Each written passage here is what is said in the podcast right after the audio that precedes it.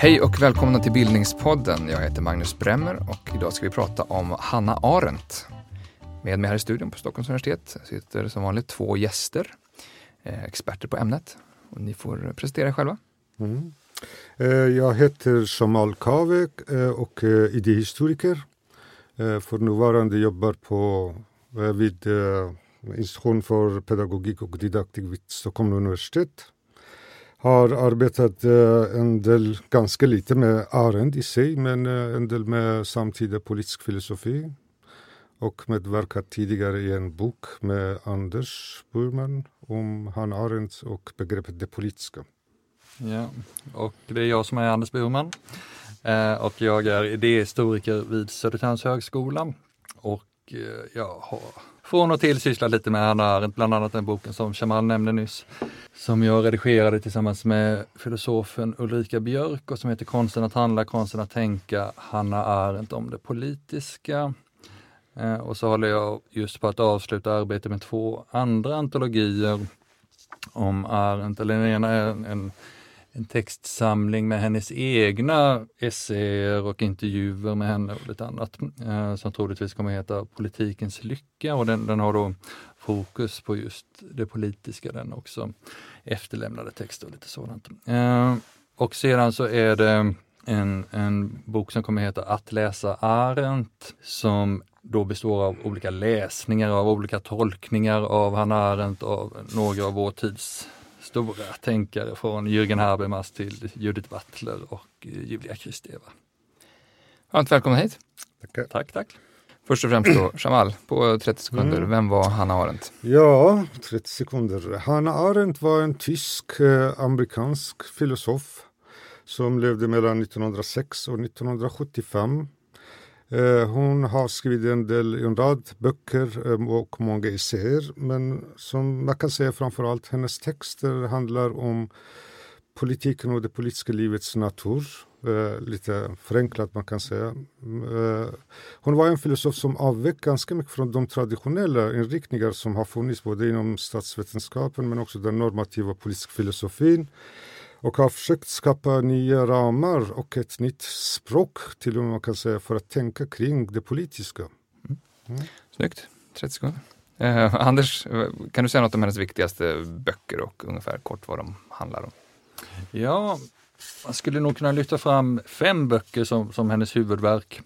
Eh, och den första stora boken som hon också slog igenom med både internationellt och, och, och i USA. För, för som Jamal sa så är hon då tysk-amerikansk som, som vi säkert kommer tillbaka till, att, att hon växer upp i Tyskland och sen så tvingas hon fly från Tyskland under 30-talet och bosätter sig i USA under 40-talet och det är eh, i USA som hon skriver sina främsta böcker. Eh, och den första då det är Totalitarismens ursprung som tidigare i år kom ut i svensk översättning. Eh, Den kommer 1951. 1951, precis. Eh, och det är ett sätt, eller Hanna Arendts sätt att försöka förstå den tyska katastrofen kan man väl säga. Hur, hur kunde det gå så illa i, i, i Tyskland? Nazismen då, Nazismen, precis. Och, och sen är det också en, en jämförelse kan man säga med, med stalinistiska Sovjetunionen. Eh, och hon kallar de båda samhällena för totalitära och, och, och, det är liksom hur, hur hon skriver fram ursprunget till att hur, hur, hur de har vuxit fram, hur, hur det har kunnat gå på det sättet. Vi ska återkomma till den boken också. Ja, precis. Mm. Och sen under, efter att hon hade blivit färdig med den där boken så började hon intressera sig mer för det politiska eh, och, och en av de böckerna som hon, hon började jobba på, men den blev aldrig färdig, men det skulle vara en inledning till till det politiska. Eh, och då började hon fundera mycket på vad är det politiska, vad, vad, vad betyder det att vara det politiska? Och, och alltså mer än vad, vad är politik, utan ja, vad är precis. politiska som en ja, annan precis. kategori? Och sen det politiska som en vidare kategori än, än politik. Så det är inte bara, om, om man säger att han är inte en politisk tänkare och det, det är hon förstås, eh, så är det inte så mycket hur fungerar riksdagen och, eller den vardagliga kommunala politiken och sånt, sånt är hon totalt ointresserad av. Utan här, här är det de grundläggande frågorna, man kan nästan säga liksom politiken eller samhällets ontologi. De, de, du får du förklara ontologin. Ontologi, de, de mest grundläggande företeelserna Eh, vad är det för möjlighetsbetingelser för, för politiken? Ontologi är någon slags inneboende väsen hos ett, ett fenomen, föremålen? Ja, det kan man säga. Mm. Även om Hanna Arendt, till skillnad från många andra i samtiden, inte var någon typisk väsenstänkare. Nej. Ja. Essens kan man säga. Essens låter bättre i detta fall. Ja. Eh, men, men det ledde i alla fall fram till hennes andra stora verk som kom 1958 och som heter Människans villkor, vita aktiva och där hon då beskriver människan som en handlande varelse. Vad gör vi när vi är aktiva? Hon urskiljer då tre olika verksamhetsformer som är arbete, tillverkning och handlande. Ehm, och efter detta så publicerar hon flera böcker där runt, omkring 1960. 1963 kommer, kommer två stora böcker. Och det ena är Den banala ondskan som kanske är den som hon är mest känd för mm, mer publikt sådär eh, i allmänheten. Ehm, och är då, har, handlar om den så kallade Eichmann-rättegången. Adolf Eichmann var en tysk krigsförbrytare eh, under, under, från andra världskriget som, som flydde till Argentina efter, efter kriget och som sedan tillfångatogs av israeliska militären eller militärpolisen och, och ställdes inför rätta i Israel, i Jerusalem och så följde Hanna Arendt den rättegången och skrev den här boken utifrån en, artik en eh, serie artiklar. Precis. Och samma år som boken publicerades, alltså Den banala ondskan, så 63. 63 så publicerade hon också en annan studie som inte finns översatt till svenska och som heter On Revolution och som då är en, en hon, hon säger att ett det är kanske det begreppet som, som är mest betydelsefullt för att förstå vår samtid, eller kommer att bli mest bety, betydelsefullt för att förstå vår samtid. Det är revolution, möjligen vid sidan av frihet. Varför är det viktigast? Ja, men, men det, hon, hon tänker väl på något sätt att hon lever fortfarande i en revolutionär tid och, och, och hon menar att, att vi måste rehabilitera, återta och kunna tala om, om revolutionen igen. Och, och hon försöker då hitta en annan revolutionär linje än, än den traditionella eller den, den, som man alltid lyfter fram som är då den som går från franska revolutionen framåt. Den franska revolutionen har fått utgöra ett sorts grundmönster för hur, hur man har förstått revolutionen allt sedan dess. Eh, men Tänker du eh, så, mindre revolutioner eller tänker du revolution på annat sätt? Ja, jo precis. Men, men hennes stora poäng är att hon, hon, lyfter fram en annan revolutionär tradition som, som då går tillbaka till den amerikanska revolutionen som föregick den, den franska med no, no, några decennier.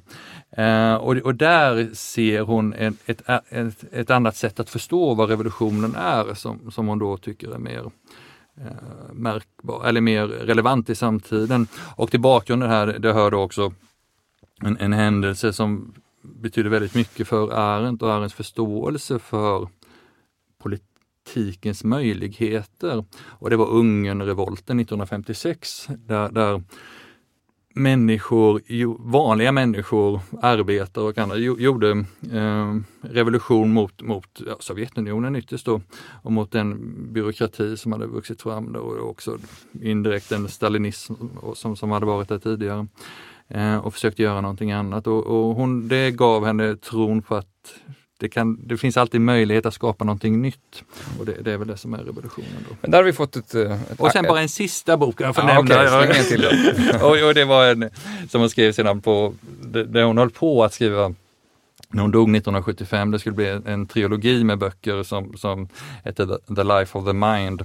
Och som då, om, om människans villkor handlar om människan som en handlande varelse så handlar The Life of the Mind om människan som en tänkande, intellektuell, kontemplerande varelse. Mm. Om vi ska säga något om hennes bakgrund då, var, kom Hanna ifrån? Ja, hon kommer från en sekulär judisk medelklassbakgrund kan man säga. Växte upp då i Tyskland, i Königsberg, Kaliningrad. Eh, bland annat, men flyttade sen till Berlin ganska tidigt. Och och, och börja intressera sig för filosofi redan i, i tonåren. Hon läser Kierkegaard tidigt. Och, Norsk filosof? Ja, dansk i alla fall. Nej, fan också. det kommer vi inte bort. och hon, hon äh, jag har sett någon uppgift om att hon läser Kants, Immanuel Kants första kritik, kritik av det rena förnuftet redan som 16-åring. Äh, så, så hon är liksom inne i det där och, och sedan när hon ska börja studera, då, då, då är det filosofi, alltså studera på universitet, då, då är det filosofi som, som är det primära. Och hon studerar också teologi, protestantisk teologi och, och det är ju också spännande att, att vid den här tiden så är det judiska inget tema för henne utan det, det är liksom en, en Ja, det kommer senare. Som, eh, och också så studerar hon klassisk filologi. Hon, hon är liksom idealiserar ganska starkt den, den, den, grekiska antiken genom, genom hela sitt författarskap. Nu får vi tillfälle att förklara vad filologi är förresten.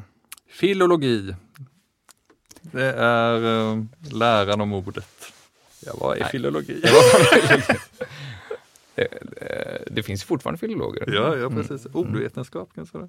Mm. Mm. Fast filologi, jag ska bara säga inom mm. parentes också, det är intressant att den kommit tillbaka som en del av, mm. i den klassiska vi har kanske framförallt Nietzsche som sysslade mm. med filologi. Men, men på senare tid till exempel många som Agamben och som mm. går tillbaka ganska mycket, de är inte filologer i den bemärkelsen men ändå använder sig ganska mycket av filologis mm. filosofiska avseende. Och det finns mycket likheter i det avseendet mm. medan Arendt också som gör i sina texter ofta går tillbaka till ordets ursprung och liksom etymologi och diskuterar. Så det är intressant på det sättet. Men när slår hon liksom på allvar in på sin filosofiska bana? Ja, när hon börjar studera så, så åker hon till Marburg och, och börjar studera för Martin Heidegger som då är ännu inte har slagit igenom vid den här tiden och han räknas generellt då som en av 1900-talets mest betydelsefulla filosofer. Men, men vid den här tiden som väl är 1925, kanske 24-25 någonting, eh, så har Heidegger ännu inte publicerat något stort verk. Han håller på med det som sedan blir Sein und Zeit, eh, Vara och tid, eh, som kommer väl ut 1927. Men han har redan ett rykte om sig att, att eh, bedriva filosofi på ett helt annat sätt än, än så som universitetsfilosofin vanligtvis såg ut för den här tiden. Och eh, Arendt tar då väldigt starka intryck av detta och inte minst den här seriositeten och, och hon, hon, säger någonstans att det var Heidegger som, som lärde mig tänka. Mm. Och, och, det handlar väldigt mycket om det. Och, och Heidegger han, han eh, återupptar också den här verksamheten som, som då kallas, eller disciplinen, subdisciplinen som kallas ontologi. Han, han tycker att vi ska ägna oss åt de där riktigt, riktigt grundläggande frågorna om, om varat och hur, hur, hur det är. Det här låter ju ganska långt ifrån det politiska. De känns som, men, som, som ganska olika typer av filosofer. Men, men vad, vad, vad är det med, vilken påverkan hade Heidegger på, på Arendt?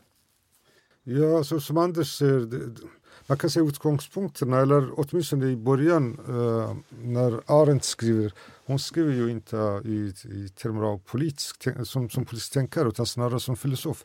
Men jag tror däremot det som Arendt gör med, med Heidegger, det Heideggers tänkande, den ontologiska, det är mycket ju handlar om den ensamma människan utkastad i världen. Och det som, som, som Arendt gör med den, just att skapa den här människan kan existera bara i samvaro, i mitten, liksom, det i, i, i, med andra människor. Så människan existerar inte, utan det är människor alltid existerar. Och på det, sättet, det är en skillnad mellan henne ja, och Heidegger? Ja, och det öppnar möjligheterna för den typen av mm. politiskt tänkande som inte fanns hos Heidegger.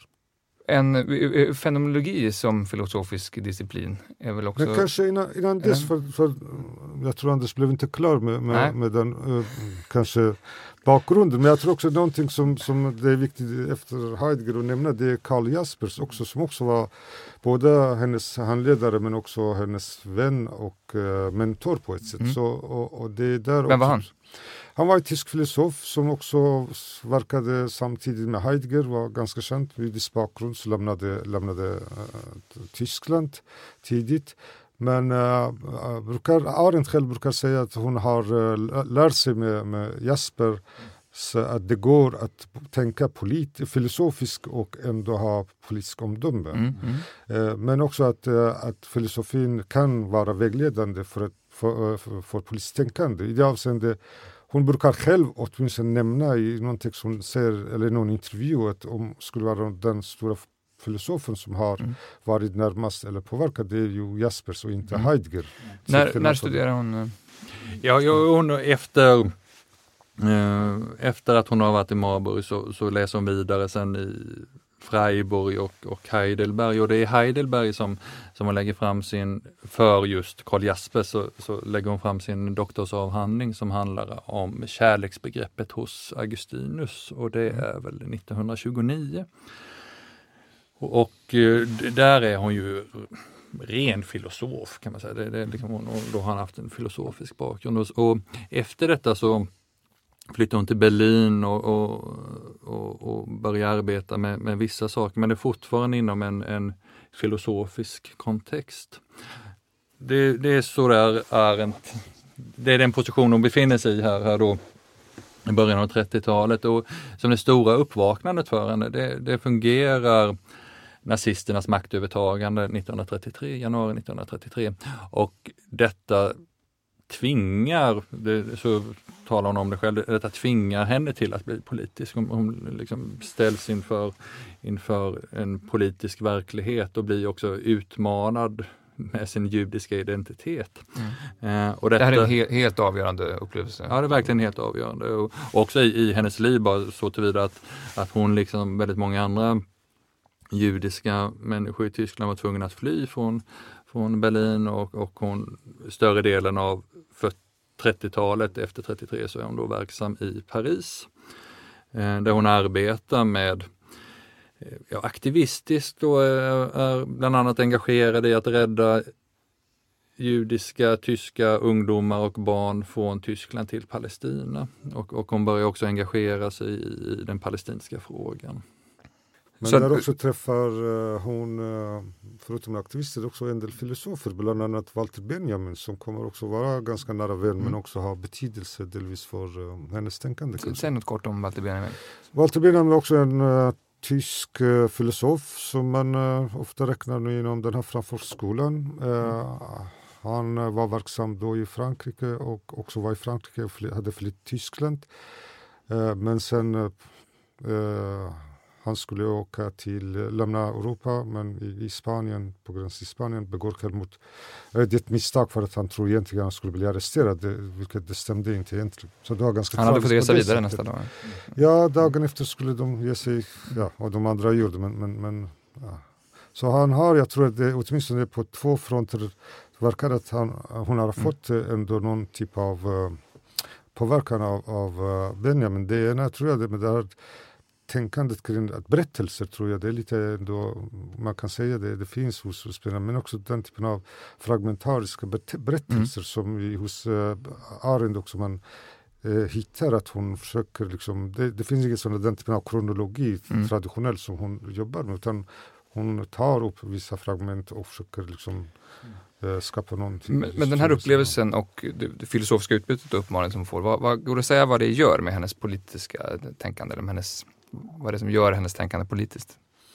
Eh, ja, jag tror kanske Anders kan svara på den frågan, men jag, jag tänker ändå hon blir politisk eh, jag skulle säga att Arendt blir mer politisk aktivist än politisk filosof under 30-talet. Hon kallar sig inte själv filosof, hon pratar som nej, teoretiker? Eller nej, men det är också en fråga. Hon brukar säga att hon gillar inte filosofin och det vi kan diskutera sen, filosofin och politiken, är ju, finns en konflikt enligt henne mellan de två hon är mer politisk teoretiker. Men det är ju på 60-talet som hon säger så. Men jag mm. tror på 30-talet hon är mer engagerad och engagerad också i vissa av de här föreningar som är lite problematiska, sionistiska, hon har problem med dem och sånt.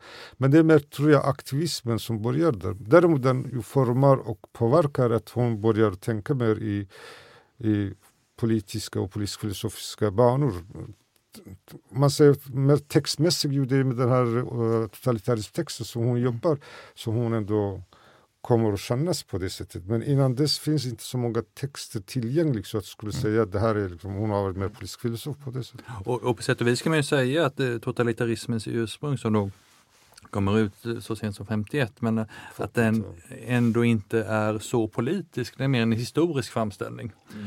Så, så det, det, är mer efter detta i början av 50-talet då som politiken som ett filosofiskt problem, mm. eller teoretiskt problem, börjar bli stå i centrum för hennes, hennes verk. Men innan vi går in, innan vi går in på, på, på den boken, för då har hon alltså, för då är hon verksam i USA? Ja. Och då har hon flyttat en gång till? Ja precis, så till skillnad från Walter Benjamin så lyckas Hanna Arendt fly, fly till USA via, eh, via Portugal och från 1941 så lever hon då i USA. Och så blev hon amerikansk medborgare 1951. Men det är intressant mm. också, jag tror, jag tror det är 1937 som hon blir av med sitt tyska medborgarskap. Så mellan 1937 och 1951 så är hon statslös. Mm. Och det här är en viktig tanke i totalitarismens ursprung, alltså nationalstaten. Och...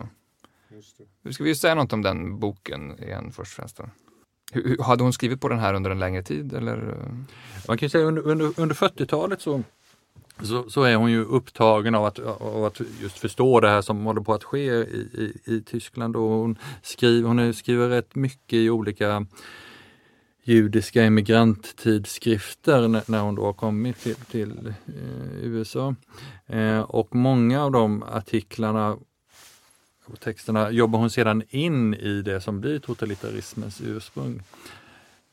Så, det, så på det sättet så börjar hon redan vid sen i mitten av 40-talet att, att arbeta med det som, som, då, som hon skriver en senare, ett senare förord till, till totalitarismens ursprung. Att, att manuset låg färdigt hösten 1949 och det, och det är verkligen precis mellan. Det är också intressant att säga att, att då, har Stal, då har Hitler varit död i fyra år och Stal, Stalin lever fyra, fyra år till. Så det, det, och, och den handlar ju då som, som jag nämnde innan om, eh, om de här båda totalitära staterna som, som enligt Arendt är de enda totalitära staterna som egentligen har existerat. Nazistiska och stalinistiska. Ja, precis.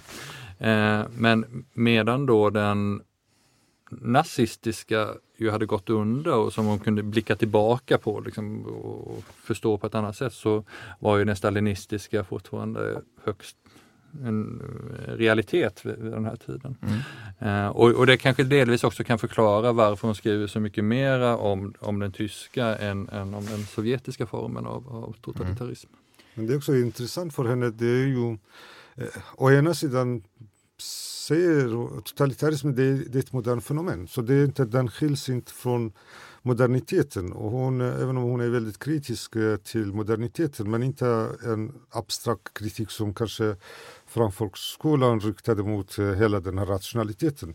Samtidigt som hon ser ändå totalitarismen som en brytning, det vill säga det är mm. något helt nytt, den har inte existerat. Och den är kopplad ganska mycket till också begreppet värld i hennes filosofi som senare mm. utvecklar mer, men även i totalitarismen diskuterar. Det är mycket världen för Hannah Arendt i den offentliga framträdandet. Mm. Och det är det, det rummet som hon menar med totalitarismen försvinner. Det är inte för att den är diktatur, det är inte för att det är partipolitik, det är inte så, utan snarare för att det offentliga rummet försvinner och, och, mm. och lögner blir sanningar. Mm. Och, och det är också att den, det finns majoriteten också är med. Det är inte så att den bara tvingas med våld utan snarare majoriteten är med. Och den men titeln talar om ett ursprung också. Var, var det finns totalitarismens ursprung? Ja, fast det, jag tror ursprunget är, det, det är ett misstag från början. Om jag förstår det, som mm. i grunden har varit element, det vill säga mm. totalitarismens element. Eller hur? Man brukar i alla fall säga att, att det vore en bättre titel, jag vet inte om hon säger det själv. Jo, hon har att, skrivit det. Ja, att, totalitarismen Men äh, element till ursprunget, så hon drar ju ändå linjer från nazismen och stalinismen bak till imperialismen och kolonialismen kan man väl säga. Ja, och, det med, och, och boken är då tredelad. Första delen handlar om antisemitism, den andra om imperialism och den tredje då om, om totalitarism hon förankrar alla de där tre fenomenen historiskt och, och, och visa att detta är någonting nytt som antijudiskhet har, har funnits eh, ända så länge kristendomen har funnits så, så har det funnits liksom olika antijudiska strömningar och, och, element. Men antisemitismen som en ideologi, det menar hon, det är någonting som, som växer fram under senare delen av, av 1800-talet. Eh, och som då också får en motideologi i form av sionismen som, mm. som, som skapas. Vad va, va, va, är det med den här tiden som gör att det växer fram? vad är hennes argument för det? För imperialismen eller för, för, för antisemitismen? För antisemitism. Jag tror det kopplar hon till eh, just uh, dels eh, uppkomsten av kapitalismen men också med vetenskapliga diskurser. Att där, eh, Hur det är då? inte, alltså I det avseendet, man pratar inte om, uh, nu judarna inte, tidigare de var, man ogillade judarna för att de var inte kristna eller de hade dödat Jesus eller Mm. någonting. Men nu man betraktar judarna som något abnormalt, som något som är fiende i sig själv. Och det är där man försöker beskriva dem som något, ett, en, en annan art. Och där Mm. båda de olika vetenskaperna hjälper på det sättet att man ändå skapar någonting deterministiskt syn på historien och där man försöker ändå sudda bort just judarna Mm. som en abnormalitet där. Och det där tror jag, eller som jag förstått Men absolut, och ytterst så är det ju då kan man nog säga att det, att det är biologiseringen av världsbilden som, som Mm. sker under senare delen av 1800-talet som vi ju förknippar väldigt starkt med, med Darwin. Men, men det, det finns hos massor med andra tänkare också. Men också tankar om den ariska rasens överhöghet och sånt finns redan i 1800-talet. Ja, ja, ja absolut. Eh, och och en, en huvudskillnad då mellan den tidigare formen av antijudiskhet och, och den moderna formen av antisemitism, det är att enligt den moderna förståelsen, den antisemitiska förståelsen av juden, så är juden jude. Som, som Jamal sa, det är inget, han kan inte, eller hon, hen, kan inte omvända sig och bli kristen och, och på det sättet, utan det, det, det är ett karaktärsdrag eller någonting sådant som, som är ofrånkomligt Mm. för, för denna individ. Men det är också, tror jag, någonting och det är ganska problematiskt i hennes beskrivning. För det är många också kritiserat på det här att hon tycker inte att det finns något eh, mer allvar i den här eh, judehat som har existerat tidigare utan snarare bara den moderna formen som kritiseras. Och där också tror jag delvis för att se att just med den moderna formen av, av eh, antisemitismen det är där man också utesluter judarna från den politiska sfären. Jag tror det är det som blir centralt för henne också. Och det senare också, det finns på 60-talet en del diskussioner kring den medborgerliga rättigheter och, Mm. eh, och eh, den segregerade utbildningen i USA till exempel. Och där Arendt har blivit mycket kritiserad med rätta tycker jag. Där hon eh, tycker att den här frågan hör inte till det politiska. Att liksom, föräldrarna vill att deras barn inte får beblanda sig med de svarta så de har rätt att göra det. Men även Va, den- vad menar hon då? Alltså, Ja, det är en diskussion som, som förs på slutet av 50-talet. Eh, och det, hon skrev den här- det här med, med den diskussionen att första demonstrationerna som, som man gjorde mot att eh, segregerade skolformerna och de svarta ville att liksom, det ska vara en, de skulle ha också ha rätt till samma skolor Mm. som de vita går. Mm. Och det är där Arendt skrev en text och eh, eh, till skillnad från många andra debattörer på den tiden ändå ställer sig indirekt kritiskt till att den här inte är en, en politisk fråga och det är liksom den, den frågan det är en fråga som hör inte till politiken och därmed Mm. också man måste ge rätten till om de föräldrarna vill inte beblanda deras barn med vita. Men även här hon har svårt att se, och det, det tror jag med den, också med, med den kritiken mot judehaten, att hon har svårt att se den strukturella i alla de här eh, fördomar som finns. Hon ser fördomarna som är naturliga i ett samhälle. Mm. Men de bara när de exkluderar en från den politiska sfären, då blir det politiskt. mm. Eh, Men en sak då Mm. att, att eh, under 1800-talet så växer det fram eh, vissa föreställningar rasistiska, antisemitiska. Men, men vad är det som gör att totalitarismen etableras då? Enligt Arendt? Totalitarismen kommer ju senare. Mm. Så, och ett mellansteg det, det är ju då den moderna imperialismen Mm.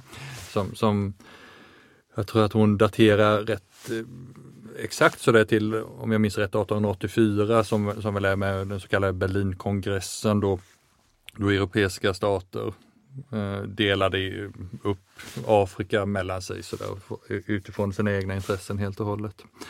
Um, och och hon, jag tror, om, jag, om, om jag minns rätt så har hon också en slutpunkt för, för den, imperi, den moderna imperialismen. Uh, I alla fall början till en slutpunkt och, och det är då Indiens frigörelse eh, från, från Storbritannien precis efter, efter kriget. Eh, 48. Ja, 47, 48. 47. Ja, precis. Mm. Och, och, det, och detta är då eh, också, det är klart, det har funnits kolonialism innan, men, men det är en ny form av brutalitet i, i den här eh, imperialismen som, som växer fram under 1800-talet. Då också staterna vidgas och det, det blir, de införlivar andra delar av, av världen i, i, sitt, i sina egna nationer så att säga. Mm. Just det, när, någonting om nationalstaten där kanske. Eh, vad, vad, eh, vilken betydelse har den för, för framväxten av det totalitära? så? Alltså nationalstaten, det som hon är framförallt kritisk till, eh, det handlar om att nationalstaten i relation till rättigheterna blir det, det, blir ett hinder för de rättigheter som man skulle ha skrivit i moderna tiden till människan egentligen vid födelsen. Mm. Det vill säga om vi tittar på människor och mänskliga rättigheter enligt Arendt, det var tanken var, tanken var i början att den skulle tillhöra varje människa vid födelsen. Men i praktiken med nationalstaternas framväxt då blir det medborgaren som får de här rättigheterna. Och därmed med tanke på också det som Anders påpekade, också den statslösa perioden som hon själv också mm. har upplevt det. Ja, hon är statslös så, när hon skriver det här. Ja, mm. och, då, och, och, och hon menar att det, nationalstaten på det sättet egentligen det blir ett hinder. Det vill säga då människorna, det är inte människorna som har rättigheter utan medborgarna som har rättigheter. Och de som av någon anledning uh, utesluts eller, eller eller lämnar kanske eller saknar den typen av tillhörighet mm. till en nationalstat. De är inte skyddade av dem? De är inte skyddade, de inte kan betraktas som människa heller för att de mm. saknar alla de här rättigheterna. Ni pratade om massan också tidigare. Va, va, vilket ansvar menar Arendt att den enskilda individen har eh, vid, vid framväxten av de här totalitära strukturerna? Ja, Alltså jag tror, jag är lite osäker på, på svaret, men, men jag tror det, hos Arendt, eh, eh, det, det som kanske hon senare utvecklar, just den här skillnaden mellan förstånd och förnuft, mellan att eh, samla eller ha kunskap eh, eller tänka. Och det är där tänkandet som, eh, som hon menar att skapar också den här möjligheten till omdöme och därmed också att man kan falla rätt omdöme. Och det är på det sättet det, det är skillnaden att varje människa har, har ju ett ansvar i det avseendet. Man är fri att välja att, att tänka. Och alla varelser, alla människor kan tänka. Men eh, just det här också skapar att var och en också måste ha, ta sitt ansvar, att fälla rätt omdöme. Och detta leder ju över till Eichmann-boken sedan, mm. för, för Adolf Eichmann eh, är då enligt, enligt Arendt ett exempel på en människa som faktiskt inte tänker. I, i den meningen att han för ingen dialog mellan eh, sig och sig själv, så att säga. Men, eh, ingen, ingen, inre dialog. Han har inget samvete som, som aktiveras. Här. Utan han lyder bara order. Han, han, Hitler säger åt, ytterst Hitler, eh, säger kom... åt honom vad han, han ska göra och han gör detta. Det är då vi kommer in på kanske hennes mest kända begrepp, den banala ondskan. Men det är 1961 i den här rättegången. Hon får uppdrag att eh, rapportera New till New Yorker. Ja, just det. Eh, hur kom det sig? Vet du? Om jag förstår det rätt så tar hon hon, hon vill göra detta. Så, mm. så det, det, är hennes eget. Hon, hon, tycker att det här är så pass viktigt att hon vill åka till Jerusalem och följa rättegången på, på plats. Men visst blir hon kritiserad för den här rapporteringen? Ja, väldigt mycket. Vad, vad, vad gick kritiken ut på? Alltså jag tror det finns eh, några aspekter i det här, eh, texten som hon skriver som också väcker ganska mycket ilska och eh, irritation. Dels eh, man kan, man kan nästan uppfatta som om hon menar att eh, också att det finns en skuld hos, eh, hos judarna själva delvis, det som hon har sagt tidigare också i totalitarismens historia. Men också i den här texten, de som väcker mer, kanske mer eh, irritation hos många, det här att hon betraktar just den typen av ondskan som, som hon säger, den banala ondskan, att det inte är det är kopplat till att en person som inte tänker, har inte förmågan att tänka. Och de menar att den minskar och förminskar den brott, det brott som har begått. Eh, mm. Eh, och det är ju, jag, jag tror hon, eh, som jag har förstått också, hon själv sen också säger att hon kanske har reducerat lite grann på det sättet när hon diskuterar eh, de här stora brott som har begått. Men också mm. senare forskning visar ju att Hanna Arendt hade helt fel om Eichmann egentligen. Han var inte alls den... Ja, alltså det finns ju nu dokumenterade uh, texter skrivna om, om Eichmann uh, som visar att han var väldigt manipulativ, han var väldigt ideologisk och han var väldigt stolt över vad han har gjort mm. efter andra världskriget, efter, när han flydde till Argentina. Och det som han framställer sig i den här rättssalen hela tiden lite förkyld och liksom som om mm. verkar han är bara en byråkrat stämmer inte. Mm. Och att, att han Arendt kanske lite blir lurad av den här uh, det, här. det andra också, jag tänker också som jag själv har ganska problem med, med just det här med tänkandet. Vad betyder det att en inte tänker? Mm. När alla människor har förmåga att tänka och tänkandet hon definierar inte ju jättetydligt med den definitionen som du pratade om Anders, just att man skulle kunna vara i dialog med sig själv, att kunna säga emot sig själv, att kunna liksom lämna världen och liksom tänka i sin ensamhet men ändå med sig själv som en dialog.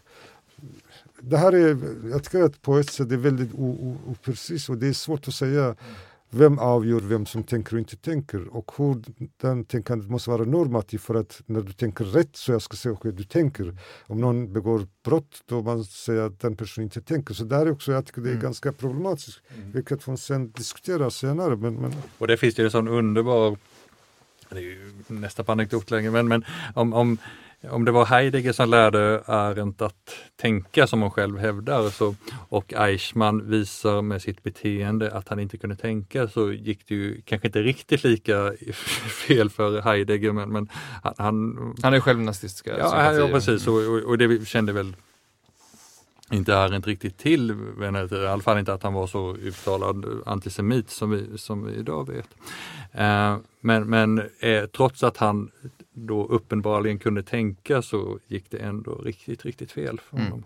Men så eh, kritiken går i stort sett ut på att man att eh, gärningsmannen här i fråga blir framställd som mer oskyldig än, än, än Ja, och, och, samtidigt så tycker jag det, det, finns ju en viktig sak, nämligen att, att man skiljer på onda handlingar och onda människor. Mm. Eh, det, det, är klart att Arendt tycker att det här är hemska handlingar som, som, som, som begås här men hennes, det, det, hon drabbas av när hon kommer till, till, till den här eh, rättegången det är ju att Eichmann inte alls var den där demoniska, hemska, djävulska människan så, så, så, som han framställdes av inte bara judiska journalister och så utan liksom i mainstream-journalistiken generellt. Mm. Så, så han, han, han framstod som en tråkig byråkrat. Mm. Och, och, det ligger ju någonting i det och, och, det är det hon vill fånga också tror jag med den banala ondskan som, som då är snarast en sån här vardaglig ondska, en rutinmässig ondska, den, den ondska som uppstår när vi inte tänker, när vi bara följer regler och, och, och den det sättet att se på ondska, som, som förstås inte är den enda ondskan som finns, det, det, finns andra former av ondska också, men, men det är en form av ondska och sen kan man diskutera huruvida Eichmann passar in på den. Men, men det är klart att den här byråkratiska ondskan, om man nu ska tala om det i termer av ondska, men, men det är ju ändå en högst påtaglig realitet som miljontals människor möts av hela tiden. Mm.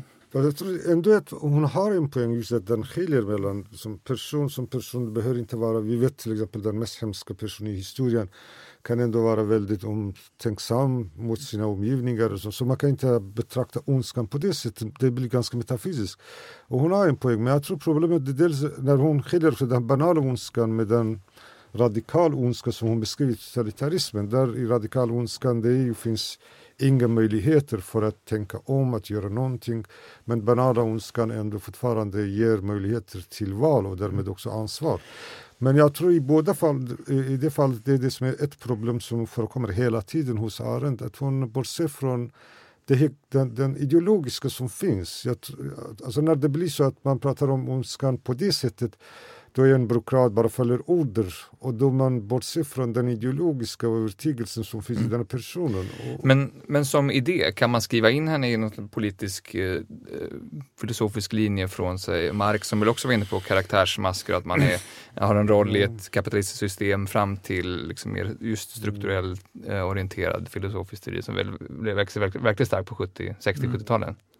Och, och, är det rättvis? Eh? Jo men det, det, det, finns ju absolut en sån linje och, och, där då så är det väl att Arendt faktiskt i högre grad än, än de andra ändå bryr sig om den, det individuella ansvaret. Det, det är det som, i alla fall under senare då, under 50-talet, blir hennes stora, och 60-talet, blir hennes stora liksom, angelägenhet att, att undersöka vilket ansvar har vi själva för i den värld i vilken vi lever. Mm.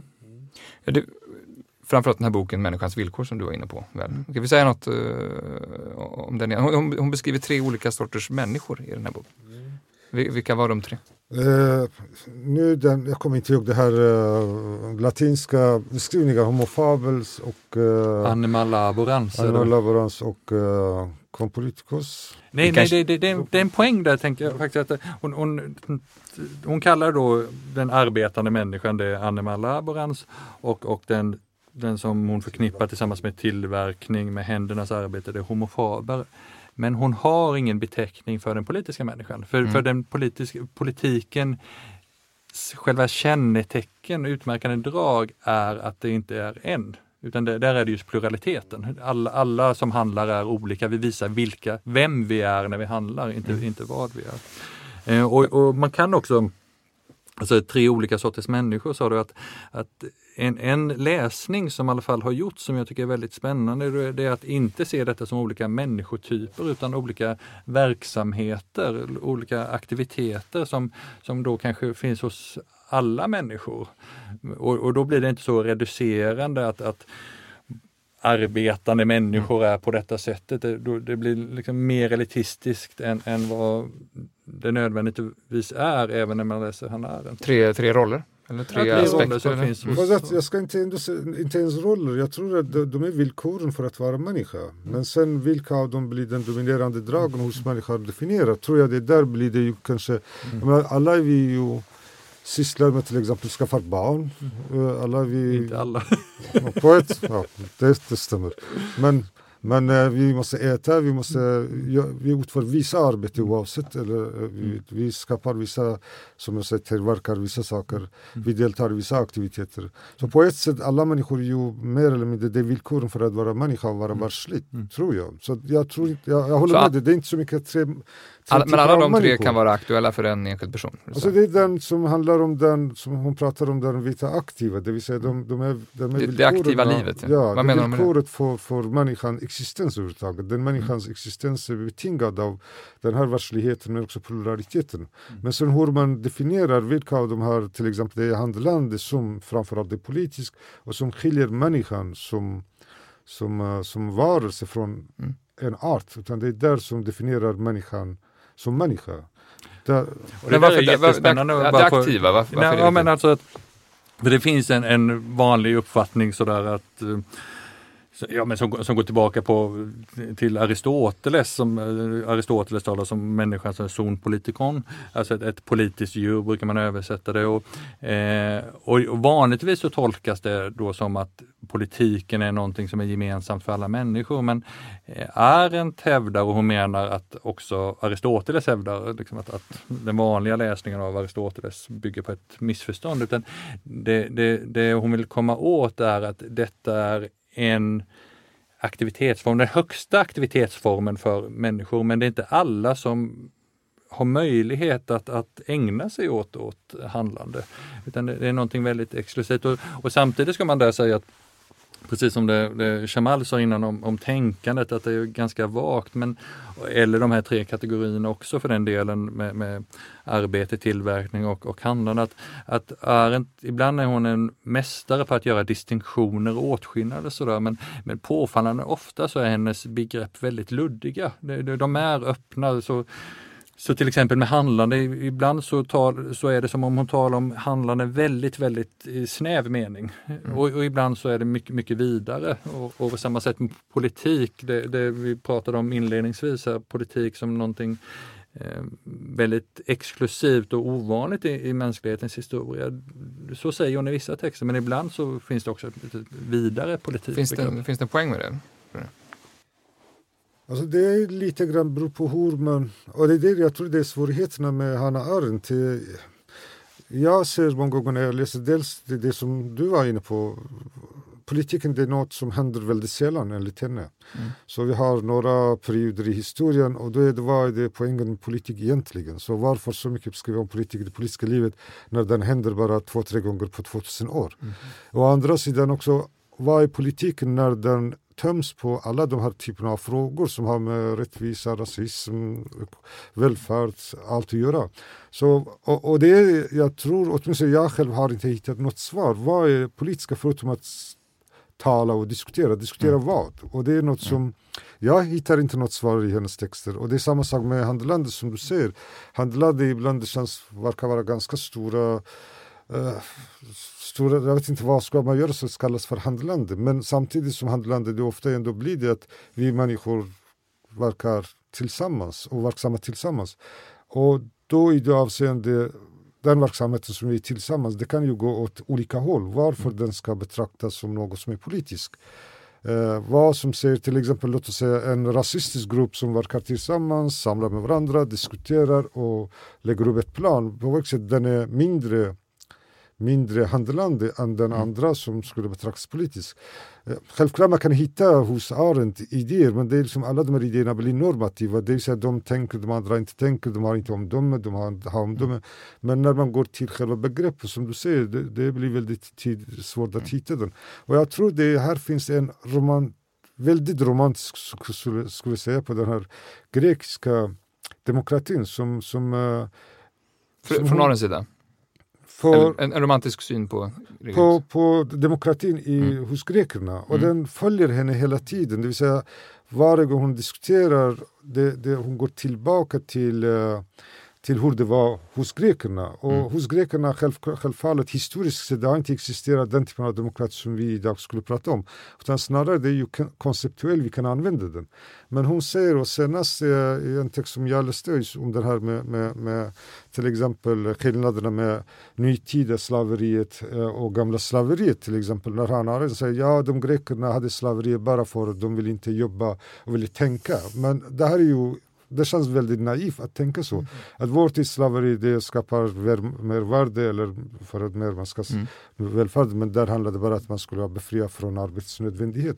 Så det finns någonting hos henne och jag tror att hon går tillbaka till den aristoteliska politiken. Så politiken blir ganska mycket att medborgarna samlas och diskuteras över det. Men man kan ju också lägga till att, att jag, jag tror du sa att hon hela tiden går tillbaka till, till eh, det antika Grekland och, och, och jag skulle vilja säga att hon ibland, och väldigt på, påfallande ofta gör hon det och, och, det är påfallande också att det är när det blir fel som hon gör det. Det finns en sorts ursprungsfilosofi-tanke där att, att, att det antika Grekland utgör en sorts modell för hur vi ska då också förstå det samtida samhället. Mm. Oavsett om det är liksom idealiserat eller inte så blir det ju helt fel. Och, och, och, det tydligaste exemplet är ju då när det kommer till det sociala. För i det antika Grekland enligt Arends sätt att se så, så fanns det bara två sfärer. Det var det privata som var kring hushållet å ena sidan och å andra sidan offentligheten där det var politikens rum.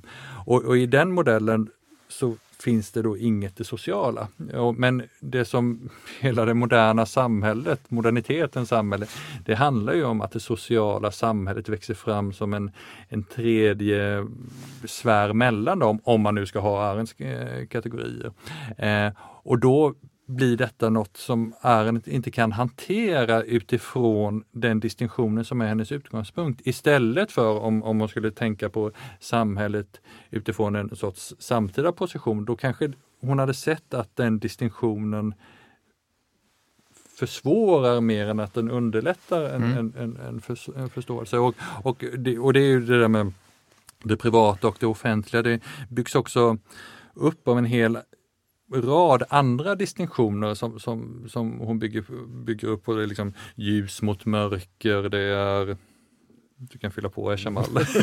jag tror att hon har, Manligt mot kvinnligt. Ja. Utifrån mm. hennes egen filosofi, jag tror hon har ändå en poäng i det avseendet. Eh, att, uh, jag tror i det moderna också, hon ser den framför allt den typen av tänkande både hos uh, liberalerna, marxister mm Eh, det finns en, en deterministiskt tänkande som går inte ihop med det sättet hon ser på politiken som är oförutsägbar. Att det handlandet, det är en poäng med handlandet, det är alltid riskabelt för man aldrig vet uh, resultatet av den.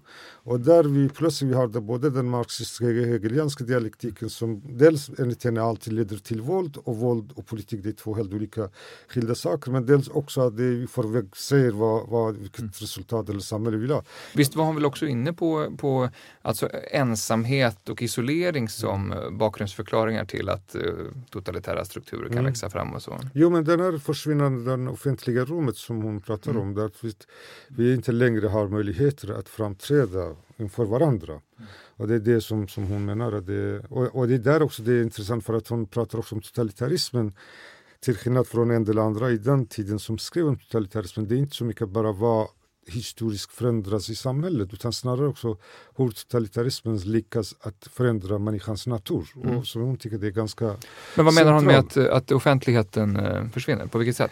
Att människorna, det är inte längre, alltså människorna tror, följer en ledare, människorna liksom har till, eh, till uh, förlitar sig på någon typ av lögn och de uh, de handlar, som man ska säga, handlar, de agerar mm. som en massa och inte längre som individer som tänker och överlägger mm. och faller om de är också samtal med andra. Och det är något också som jag skulle säga även idag man kan använda. Jag, jag, jag själv tror att Arendt är användbar men på ett sätt som många andra filosofer att man skulle använda sig som verktyg, polisverktyg i vissa av mm. hennes begrepp. Och en av dem som jag tycker i vår tid skulle vara intressant det är ju för att det är motsatsen till vad vi erfar idag. Och det är ju pluraliteten hos henne.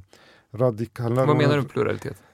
Att det, människorna är alltid är olika. Ingen, alla människor är i sig själva unik, men alla människor ändå delar något med varandra. Så vi har en likhet och olikhet med varandra. Och den likhet och olikhet, det handlar inte om en likhet som är vi i termer av rättvisa eller jämlikhet utan snarare att vi delar vissa människor, vissa existentiella villkor med varandra.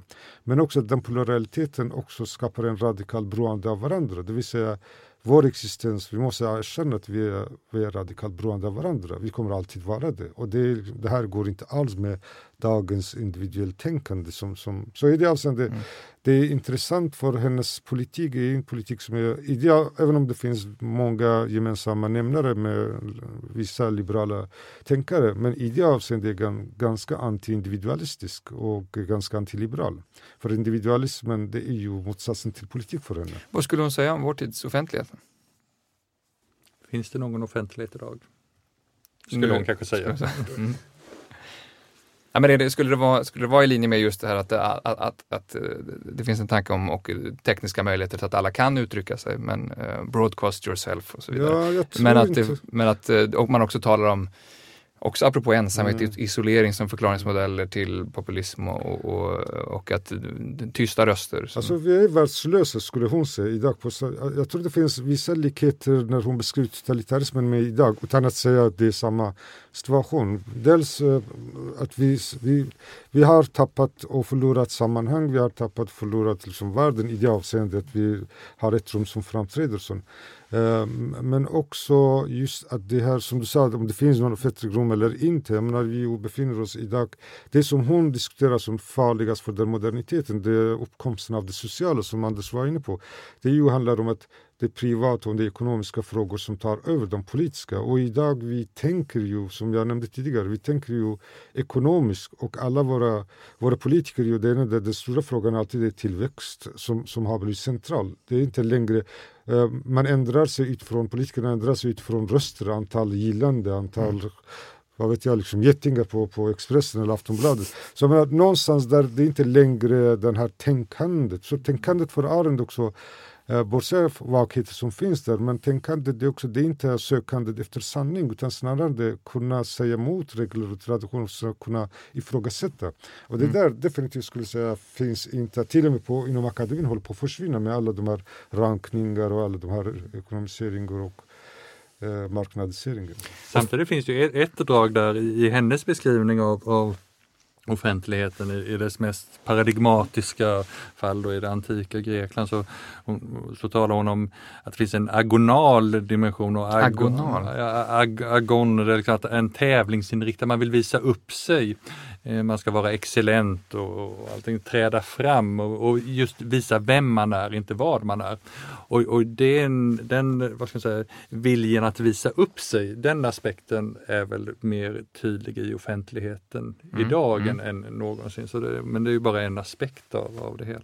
Avslutningsvis, eh, varför ska man läsa Hanna Arendt? Ja, dels Framförallt för att hon är originell filosof. Hon eh, har modet att tänka annorlunda. Hon skriver väldigt vackert, essayistisk. Men också att hon behandlar vissa frågor som äh, återigen, om de har inte varit aktuella under hela 1900-talet, återigen blir mer aktuella. Men som jag sa, att Arendt kanske det inte, hon har inte ett politiskt system, vilket gör också att man kan ha mer rätt i att använda henne på ett sätt som man vill. Så det går att använda henne på, på utifrån olika perspektiv.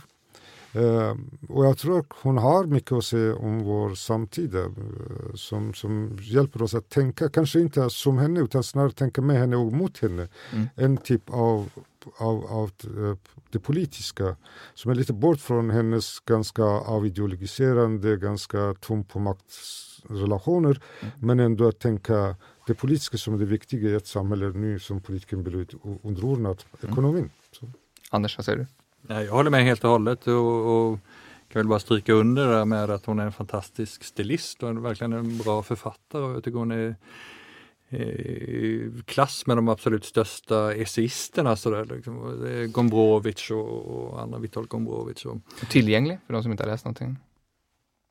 Ja, en del av hennes texter, det beror på. Hon har skrivit en del sam, sam, samlingar, så en del av de texterna är Ja, jag tycker det är ändå lättillgängliga. Samtidigt så det, det finns något som berömt yttrande av henne, det, det är en redaktör sa, men, men ska du inte ta bort det här, var, varför är det så mycket grekiska och latinska och franska och tyska ord i den här engelska texten? Vad Ja, svarar men, hon?